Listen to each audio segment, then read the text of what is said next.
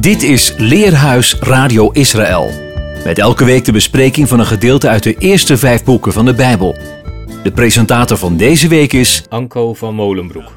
Shalom, Shabbat Shalom, Shabbat Shabbat Shabbat Shabbat Shalom, Shabbat Shalom, Shabbat Shalom, Shabbat Shabbat Shabbat Shabbat Shalom, Shabbat Shabbat, Shabbat Shabbat Shalom, Shabbat Shalom, Shabbat Shalom, Shabbat Shabbat Shabbat Shalom. Shalom luisteraar, welkom bij het Leerhuis van Radio Israël. Ik heb een vraag aan u. Heeft u wel eens engelen gezien? Ik niet, bij mijn weten. En dat zal voor de meeste van ons gelden. In Bereshit, Genesis, is nogal eens sprake van engelen. Een engel van de Heer spreekt met Hagar. Engelen komen bij Abraham en Lot. En in de vorige parasha lazen we van Jacob die in zijn droom een ladder zag waarop engelen heen en weer liepen. Aan het einde van die parasha lezen we weer over twee legers van engelen te Machanaim. Engelen zijn gedienstige geesten die verbinding maken tussen hemel en aarde. Zij worden door de eeuwige uitgezonden om de mensen bij te staan en te beschermen. Psalm 34 zegt: De engel van de Heer legert zich rondom degenen die hem vrezen. Volgens Deuteronomium 32 vers 8 regeren engelvorsten over de volken van deze wereld. De cultuur van een volk weerspiegelt het denken, de geest van een volk. En een engelvorst is een geestelijke macht. De Bijbel spreekt ons ook van de kwade engelen en engelvorsten. Daar lezen we bijvoorbeeld over Baal en Dagon, over Molech of Mammon. Zij zijn de goden, de Elohim van de volken. En daarom zegt Paulus: hebben wij de strijd niet tegen vlees en bloed, maar tegen de overheden, tegen de boze machten in de lucht. Steeds legt de Bijbel verband tussen het aardse en het bovenaardse, tussen het zichtbare en de tastbare werkelijkheid en het onzichtbare, de geestelijke werkelijkheid. Ook in de parasha voor deze Shabbat krijgen we te maken met engelen en duistere machten. De parasha is genoemd Vajeslach. Dat wil zeggen, en hij zond, hij stuurde. We lezen in het eerste vers van de parasha, Genesis 32 vers 3, dan zendt Jacob voor zijn verschijning, dat wil zeggen aangezicht, boden uit naar Esau zijn broer, naar het land Seir, het veld van Edom. Voor boden staat in de grondtekst het woord malakim, wat ook engelen betekent. Rashi zegt daarom ook dat Jacob engelen stuurde naar zijn broer Esau. Het verhaal in deze parasha gaat opnieuw over Jacob en Esau. Het gaat over hun beide nakomelingen, over hun erfland en de voortdurende strijd tussen hen. Het is een strijd die tot op de dag van vandaag voortduurt. De Ramban zegt dat de gebeurtenissen in de levens van de aartsvaders de gebeurtenissen van hun nakomelingen voorzeggen. Zoals de periode van Jacob bij Laban profetisch wijst naar de huidige Edomitische ballingschap. We zullen dan ook zien dat deze parasha van Jeslach het profetische woord van God is. Als thema voor dit leerhuis hebben we gekozen voor aards en bovenaards. In het eerste deel zien we dat Jacob boden naar Esau stuurt. En vervolgens komt Esau naar Jacob. In het laatste deel van het leerhuis zien we hoe Jacob en Esau uit elkaar gaan. Maar eerst geef ik u een overzicht van de parasha. De Bijbelgedeelten die gelezen worden op de Shabbat van deze week zijn Genesis 32 vers 3 tot 36 vers 43. De Haftara-lezing is het boek Obadja, en dat is een godspraak over Esau en zijn nakomelingen. Uit het Nieuwe Testament lezen we Matthäus 2 vers 13 tot 23, waarin wordt beschreven hoe de Edomiet Herodes de kindermoordenaar van Bethlehem wordt de Hebreeuwse Bijbel kent een indeling van paragrafen en subparagrafen. Elke paragraaf gaat over één thema. En subparagrafen zijn een variatie op dat thema. Allereerst lezen we hoe Jacob en Esau elkaar ontmoeten. Het thema is dat Jacob weer in het land Canaan komt en daar een stuk grond koopt. Door de wraaklust van Simeon en Levi maakt hij zich echter stinkende bij de andere inwoners van het land. Drie keer lezen we over een sterfgeval in de familie. In dit Torah-gedeelte lezen we over het sterven van Rebecca's nanny, Deborah, van Jacobs eerste liefde, Rachel, en van zijn vader Yitzhak. Je zou kunnen zeggen dat Jacob nu echt op eigen benen komt te staan, al gaat dat niet zonder slag of stoot. Ten slotte wordt in het laatste hoofdstuk verteld hoe Esau zijn erfgebied inneemt, het land van Seir. In tegenstelling tot Jacob en zijn zonen maakt hij zich niet stinkende bij de inwoners van het land, maar overwint hen, assimileert met hen en wordt dankzij de engelvorst van dat volk een geduchte en voortdurende tegenstander van Jacob en zijn nageslacht.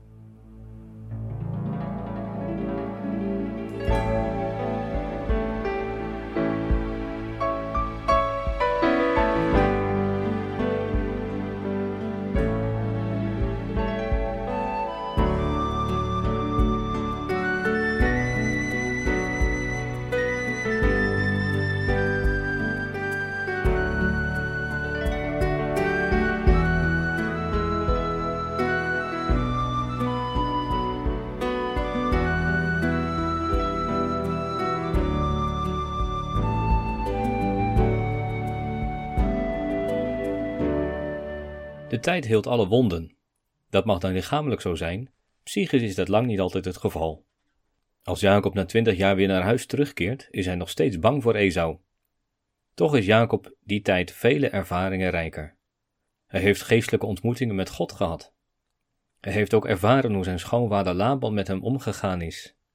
En nu hij aan de grens van Canaan staat, is hij niet langer passief, onderworpen aan de omstandigheden. Nee, hij wordt proactief. Ook dat is een teken van volwassenheid. Je verantwoordelijk weten voor je eigen daden. En aan de grens van Canaan zendt hij boden, malakim.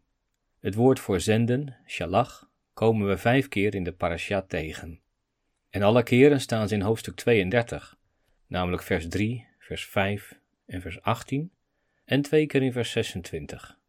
Dat is het vers waarin Jacobs tegenstander vraagt: Laat mij gaan. Of, zoals je dus ook kunt zeggen, zend mij. Ook in het leven van Jacob speelt het getal 5 een bijzondere rol. Vijf keer verschijnt de eeuwige aan Jacob. Vijf keer lezen we in deze parasha het woord shalach. Vijf keer spreekt deze parasha over de gift van Jacob. En deze gift bestaat uit vijf soorten dieren. Vijf is het getal van het bovenaardse. Het is het getal van de genade. Genade stijgt immers boven het natuurlijke, het aardse uit. En genade, dat was wat Jacob van zijn broer, van Esau, vroeg. Vijf keer komt het woord genade, gen, in deze parasha voor. Maar laten we weer naar het begin teruggaan. Jacob stuurt boden uit naar Esau in het bergland Seir. Blijkbaar weet hij waar Esau zich ophoudt. Esau verblijft in Seir. Dat land grenst aan Canaan. Of Esau daar inmiddels woonde, of dat hij daar op jacht was, het kan allebei. Het kan ook zijn dat hij al land in Seir had als bruidschat van zijn Horitische vrouw Aholibama. Zij is namelijk een achterkleindochter van Seir, de Horiet. De Naardense Bijbel zegt het land Seir, het veld van Edom. In Genesis 25 wordt Esau een man van het veld genoemd. Waarom stuurt Jacob boden? Esau zit toch ver weg? De weg naar Canaan ligt toch open? Waarom zou je een slapende hond wakker maken? Waarom zou je je gezin en je bezit in gevaar brengen? Luisteraar, zo gaat dat niet. Waarschijnlijk woont Esau nog steeds in Canaan. Jacob kan Canaan niet in voordat zijn relatie met Esau is hersteld. Hij kan het beloofde land niet in bezit nemen zolang Esau nog rechten op dat land laat gelden, zolang Esau daar nog woont. En het is daarom noodzakelijk dat Jacob erkent dat hij genade van Esau nodig heeft. En het is noodzakelijk dat Esau erkent dat Jacob het eerstgeboorterecht heeft. Van Seir naar de Jabok is een afstand van ongeveer 145 kilometer. Jacob heeft dus bewust op Esau gewacht. Hij is de confrontatie aangegaan, terwijl dat echt niet zonder gevaar was. Want Esau had zich voorgenomen om Jacob te doden zodra zijn vader Isaac gestorven was. Wat moeten de boden zeggen tegen Esau? We lezen het in vers 4. Aan mijn heer Esau, zo zegt uw dienaar Jacob. Ik heb als vreemdeling bij Laban gewoond en heb mij daar tot nu toe opgehouden. Ik heb runderen, ezels, kleinvee, slaven en slavinnen. En ik stuur deze boden om dat aan mijn heer te vertellen, opdat ik genade in uw ogen vind. Vier dingen maakt Jacob duidelijk. Het eerste is, Esau is de heer en Jacob is de dienaar. Acht keer noemt Jacob zijn broer heer. De overlevering neemt het Jacob kwalijk dat hij zich zo vernedert voor zijn broer, de kwaadaardige Esau. De ene zei toen tot Jacob, omdat je jezelf acht keer ten opzichte van Esau lager geplaatst hebt. Daarom zal ik acht koningen van Edom geven, voordat Israël een koning krijgt. In een verwijzing naar Genesis 36, vers 31. Maar er is meer. Isaac leefde nog, dus Jacob had het eerstgeboorterecht alleen in de belofte. Paulus zegt in Galaten 4, vers 1 en 2: Zolang een erfgenaam onmondig, een kind is, verschilt hij in niets van een dienstknecht, terwijl hij een heer is van alles. Maar hij staat onder voogden en beheerders, tot het tijdstip van de vader van tevoren vastgesteld. Het tweede wat hij zegt: Ik was vreemdeling bij Laban. Ik was daar niet thuis. Ik ben geen vorst of prins en heb geen status of positie. Na twintig jaar bij Laban voelt hij zich nog steeds een vreemdeling in een vreemd land. Een balling die thuiskomt, meer niet. Het derde, ik heb bezit verworven. Ik heb niets van je nodig. Als de broers elkaar daadwerkelijk ontmoeten, dan wil Esau de gift van Jacob niet aannemen. Hij zegt: Ik heb veel. Dan antwoordt Jacob: Aanvaard het toch, omdat ik alles heb. Jacob had alles al in de belofte en het eerstgeboorterecht. Hij had niets van Esau nodig, maar kon geven wat hij wilde. Het enige wat ik van je wil is genade. Dat is het vierde. Ik wil in vrede met je leven. En eigenlijk is dat de boodschap. Ik ben niet je meerdere. Ik heb geen status. Ik heb niets van je nodig. Alleen genade is wat ik van je wil. Ja, door genade met mij te sluiten, ben ook jij beter af, broer. Luisteraar, laat het even op je inwerken. Ik zie er een diepere betekenis in naar voren komen van de leidende knecht. Een benaming die ook op het volk Israël en in het bijzonder op de Messias van toepassing is.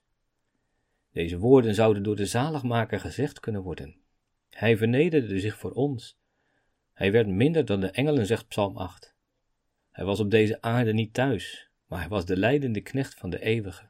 Hij die werkelijk kan zeggen: Ik heb alles. Het is volbracht. Het enige wat ik van je wil, is vrede. Wil je dat aanvaarden? Begrijp je die boodschap? Dat is het profetische woord. Maar hoe zou Esau deze boodschap begrijpen?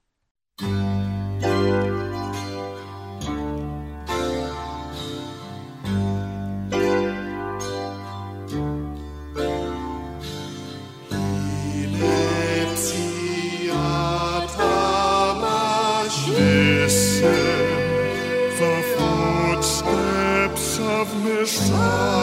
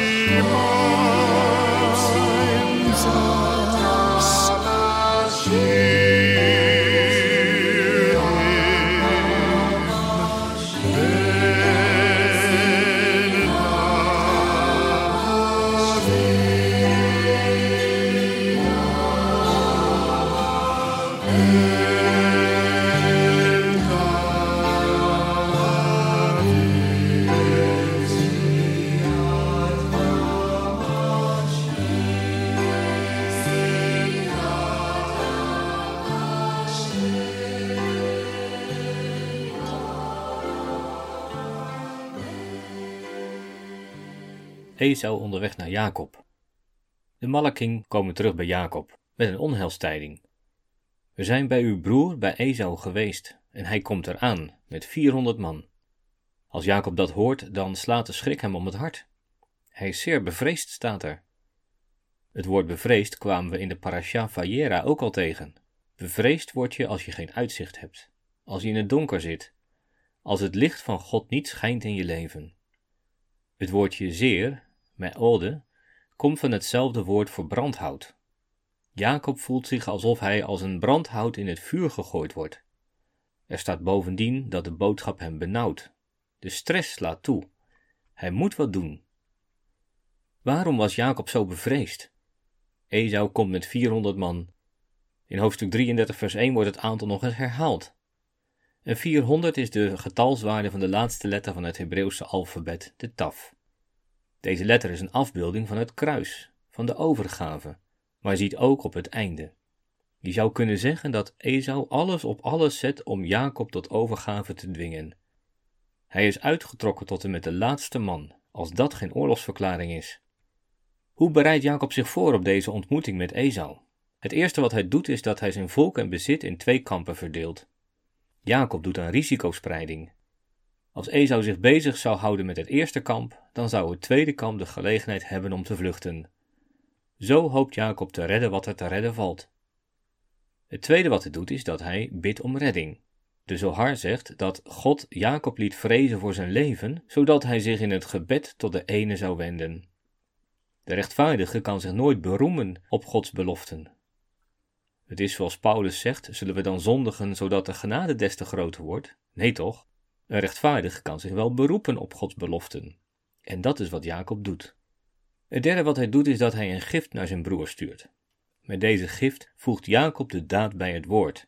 Wat hij Esau eerst liet zeggen, laat hij hem nu zien met een gift, een mincha. Een mincha komt in Genesis drie keer voor. Kain en Abel brengen beide een mincha. Jacob brengt een mincha aan Esau. En de derde keer is als Jacob, en dan Israël genoemd, een mincha van de vruchten van het land brengt aan de onderkoning, Jozef, in Egypte. Het woord mincha komt van de stam dat verdelen of schenken betekent. Het wordt gezien als een eerbetoon. Jacob wil zijn broer eren en tegelijk is het een offer ter verzoening. Zo staat het in vers 20. Jacob zegt bij zichzelf: Ik zal hem gunstig stemmen.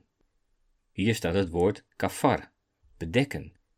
Zoals Noach de ark met pek bedekte om de ark te beschermen tegen de zondvloed. Rashi vertaalt het woord met wegwerpen, verwijderen. De gift van Jacob heeft als doel om Esau vergevingsgezind te maken. Eerst zal mijn gift hem onder ogen komen, en daarna zal ik hem onder ogen komen. Vier keer staat in deze tekst het woord panim, aangezicht. De Statenvertaling geeft dat prachtig weer. Ik zal mijn aangezicht verzoenen, bedekken, met dit geschenk dat voor mijn aangezicht gaat.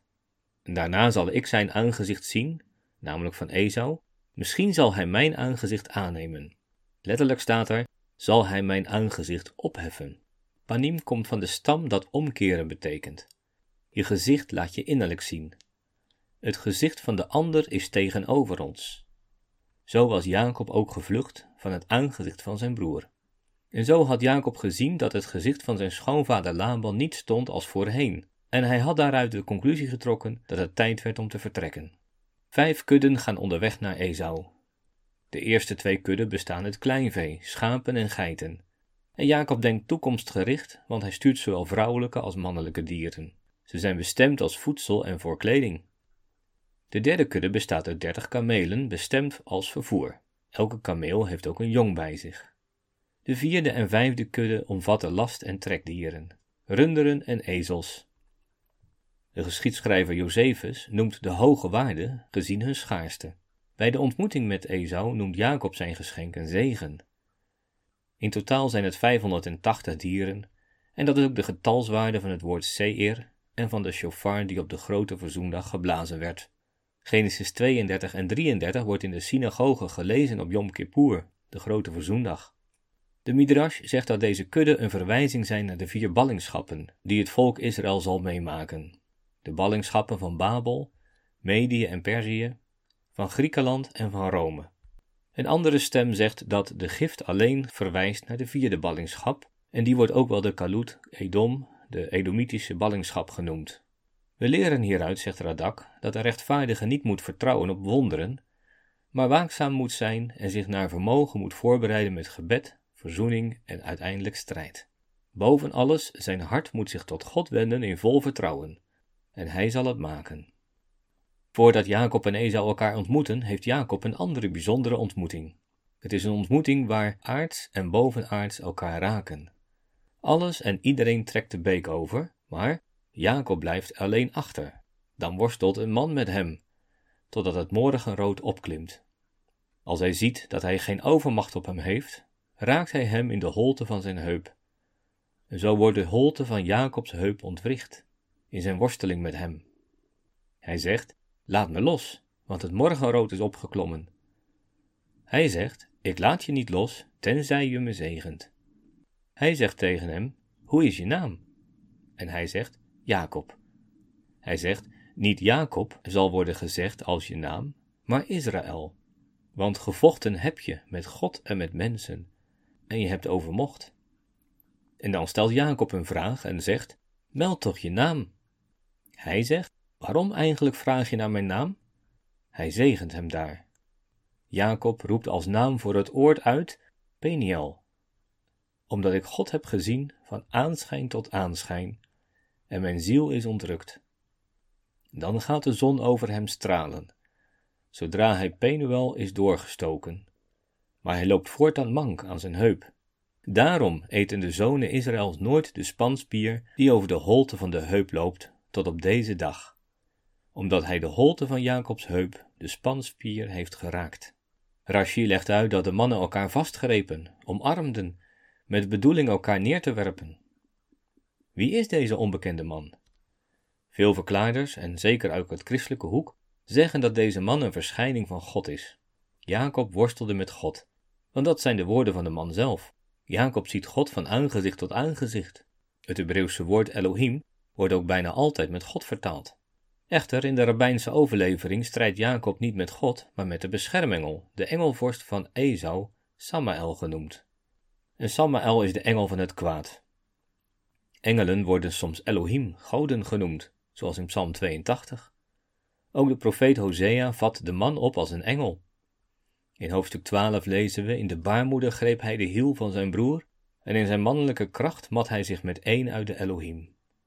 En toen stelde hij zijn macht tegen de engel om de overhand te krijgen. Hij, dat wil zeggen de engel, jammerde en smeekte hem om een gunst. In de vertaling van Gert van der Weert. De man kan het niet winnen van Jacob en smeekt om losgelaten te worden. Letterlijk staat er: Zend mij weg. Het woord uit de titel van deze parasha. Blijkbaar heeft Jacob de autoriteit over deze engel. En daarop vraagt Jacob om gezegend te worden. Waarom eigenlijk? Jacob had toch de zegen? Wel, dat heeft te maken met die zegen van Isaac. Wie u zegent, zal gezegend worden. Buiten Jacob om zal Esau nooit gezegend zijn. En daarom vraagt Jacob aan de man om hem te zegenen. Zoals we ook zeggen, Baruch Hashem Adonai. Gezegend zij de naam van de Heer. Rashi zegt, ik laat u niet gaan, tenzij u mijn recht op de zegen erkent, die Esau verachten. De kern van de tekst is de naamswijziging van Jacob. Niet langer is hij een volgeling, iemand die een ander bij de hiel houdt, op de hielen volgt. Hij wordt ook een strijder Gods. Ook, want zijn naamsverandering betekent niet dat zijn oude naam niet meer genoemd wordt. En de man zegent Jacob. Niet langer zal gezegd worden dat de zegen door bedrog is verkregen, maar door strijd en overwinning. De mannen worstelen totdat de dag aanbreekt. Het werd nacht toen Jacob uit Canaan vluchtte en bij Bethel kwam. Het wordt dag als hij Canaan weer binnenkomt. Geen wonder dat hij het aangezicht van de ander kan zien. Tegen Esau zegt hij de volgende dag: Ik heb uw aangezicht gezien alsof ik het aangezicht van Elohim zag. En daarom noemt hij de plaats ook Pniel, het aangezicht van God. De vraag is nu: hoe zal Esau's gezicht staan?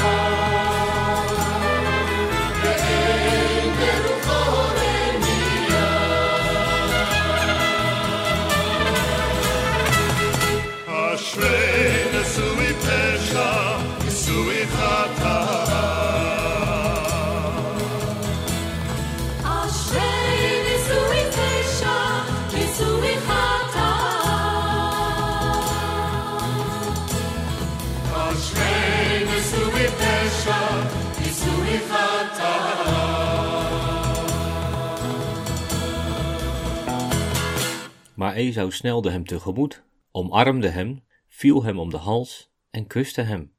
En zij huilden. Eindgoed, al goed. De verzoening tussen twee broers. En toch is het een merkwaardige ontmoeting. Alle haat van Esau lijkt te zijn verdwenen met deze ene kus. Zou bij iemand die zijn broer al in de baarmoeder naar het leven stond, die gezworen heeft zijn broer te doden, zou zijn haat ineens verdwenen zijn? De geschiedenis van het volk van Edom vertelt ons anders. Laten we eens beter kijken. Esau snelt op Jacob af. Eerst omarmt hij hem, daarna valt hij hem om de hals en kust hem. Omarmen en om de hals vallen, is dat niet dubbelop? Wat is het verschil? De grondtekst lijkt aan te geven dat Esau Jacob wilde inlijven, toe-eigenen, zoals ook de engel in de nacht Jacob omstrengelde om hem in de stof te laten bijten. Esau valt Jacob om de hals, om zijn nek. De nek heerst over het lichaam. Overwonnen vijanden werd de voet in de nek gezet. Een juk werd in de nek gevoeld en een hardnekkige biedt weerstand. De nek is volgens de Talmud ook een metafoor voor de tempel, omdat Mozes de stam van Benjamin zegende met de woorden dat de eeuwige tussen zijn schouders zal wonen. De tempel stond op het grondgebied van Benjamin en vormde de verbinding tussen hemel en aarde, tussen het aardse en het bovenaardse. En zo is ook Jacob voor Esau de verbinding tussen hemel en aarde. En hij kuste hem. In het Hebreeuws is dit één woord, vayiskaihu. Het bijzondere aan dit woord is dat boven alle letters een stip staat. De Mazoreten benadrukten daarmee dat dit woord een uitzondering is. De kus was iets onverwachts, iets ongewoons. Waarom was deze kus ongewoon? De rabbijnen hebben drie verklaringen. De tekst laat een woordspel zien. Esau wilde Jacob niet kussen, nashko, maar hem de strot afbijten, noshko. Dat mislukte, omdat de hals van Jacob in marmer veranderde. Jacob huilt vervolgens vanwege zijn hals en Esau vanwege zijn gebroken tanden. Het tweede is, Esau kuste Jacob van harte, wat een wonder was gezien zijn eerdere haat. En de derde verklaring is dat Esau de man is met de twee gezichten. Jacob bad om gered te worden van de hand van zijn broer, van Esau. Van Esau weten we dat hij Jacob dood wenste. Van een broer verwacht je dat niet. Esau gaf zijn haat niet op, maar veranderde wel zijn strategie door zich als de liefhebbende broer voor te doen, zoals de schrift zegt dat de Satan zich ook voordoet als een engel van het licht. Hoewel Jacob nogmaals persoonlijk zijn broer om genade vraagt, lezen we nergens dat Esau dit ook werkelijk doet. Het lijkt er zelfs op dat Esau andere pogingen doet om Jacob in zijn greep te krijgen. Hij vraagt om samen op te trekken, Jacob wijst dat af met als reden dat hij zich wil voegen naar de gang van de kudde en van zijn kinderen. Ten slotte zegt Jacob dat hij wel naar Seir komt. En dat is opmerkelijk. Was Jacob echt van plan om naar Seir te gaan? We lezen daar niets over in de Bijbel. Rabbi Abahu zei: We hebben in de Heilige Schrift gezocht en vinden niet dat Jacob ooit naar Esau ging, naar de berg Seir. Is het dan mogelijk dat Jacob, de ware, hem zou bedriegen? Maar waarom zou hij naar hem toekomen? In de Messiaanse tijd, wanneer de redders de berg Sion zullen beklimmen om de berg Esau te beoordelen. En deze laatste zin is een aanhaling uit het boek Obadja, de Haftara-lezing in deze parasha. Jacob gaat naar Sukkot. Waar gaat Esau heen? We lezen het in Genesis 36, een hoofdstuk dat geheel is gewijd aan de nakomelingen van Esau. Esau nam zijn vrouwen, zijn zonen en zijn dochters en alle personen die tot zijn huis behoorden, zijn vee en al zijn dieren en al zijn bezit dat hij in het land Canaan verworven had, en ging naar een ander land, weg van zijn broer, letterlijk van het aangezicht van Jacob, want hun bezittingen waren te groot dat zij bij elkaar zouden kunnen wonen. Het land waar zij vreemdeling waren kon hen niet onderhouden vanwege hun vee. Daarom ging Esau in het Seirgebergte wonen. Esau, dat is Edom. Esau is net als Jacob zo rijk gezegend met bezit dat zelfs het land van melk en honing de twee vorsten, Israël en Edom, niet kan voorzien.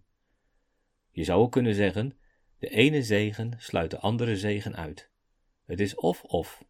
Dat is Gods manier van ruimte maken. Esau vertrekt daarom naar Seir. In het land Seir woonden de Horieten. Dat waren nakomelingen van Canaan en waarschijnlijk ook reuzen. Van hen vinden we in Genesis 36 een lijst met afstammelingen. Net als de andere Canaanieten waren ze zeer occult en pervers. Esau trouwde met de achterkleindochter van Seir de Horiet, en waarschijnlijk was zij een priesteres. Langzaam maar zeker nam hij de macht over in Seir, totdat het het land van Edom ging heten. Je kunt ook zeggen dat de Edomieten zich volledig vermengden met de oorspronkelijke bewoners, met als gevolg dat de duistere machten zich nestelden in het nageslacht van Esau. Een nadere bestudering van Genesis 36 geeft daar een onthutsend beeld van. Een van de belangrijkste nakomelingen van Esau was Amalek. Dat was een buitenechtelijk kind van Esau's oudste zoon Elifas en Timna, een dochter van de Horieten. Als we kijken naar het gedrag van de nakomelingen van Esau, de Edomieten en de Amalekieten, dan zien we nagenoeg niets anders dan haat tegen het broedervolk, de Israëlieten. De stam van Amalek viel Israël laafhartig aan in de woestijn. De Edomieten hebben vol leedvermaak toegekeken toen het huis van Ephraim en het huis van Juda in ballingschap weggevoerd werden. Ze hielpen zelfs mee. Genesis 36 is een zeer profetisch hoofdstuk, al is het niet gemakkelijk te begrijpen. Wie meer wil weten, verwijs ik naar mijn boek Esau, hij is Edom, over de verborgen strijd om het koninkrijk en de bijbehorende website esau.nl. En op deze website tref je ook het hoofdstuk over de koningen van Edom aan. Ik kan me voorstellen dat de lijn van dit leerhuis je wat verward. We zijn zo gewend het anders te horen. Jacob die worstelt met de beschermengel van Esau in plaats van een worsteling met God. En een verzoening tussen broers, die wel eens een schijnvertoning zou kunnen zijn. De strijd tussen de tweelingbroers heeft bovennatuurlijke trekken. De engelvorst geeft Esau het zwaard om de heerschappij van Jacob af te werpen. Deze worsteling is de sleutel tot de wereldgeschiedenis, tot op de dag van vandaag. Want de strijd van de ene tegen Amalek zal zijn van generatie op generatie, zegt Mozes in Exodus 17. Of zoals de rabbijnen zeggen, in elke generatie is Amalek. De herinnering aan Amalek van onder de hemel zal worden weggedaan, zegt de schrift. Maar de herinnering aan de rechtvaardige zal tot zegen zijn. U luisterde naar het programma Leerhuis Radio Israël. Een wekelijkse bespreking naar aanleiding van de Bijbelgedeelten die elke week door de Joodse gemeenschap wereldwijd worden gelezen. Heeft u vragen of opmerkingen? Of heeft de boodschap u aangesproken? Stuur gerust een mail naar info-apenstaatje radioisrael.nl Wilt u de tekst in het vervolg graag meelezen? Download dan het leesrooster op onze website. Ga naar radioisrael.nl en klik onder het kopje Programmaoverzicht op Leerhuis Radio Israël.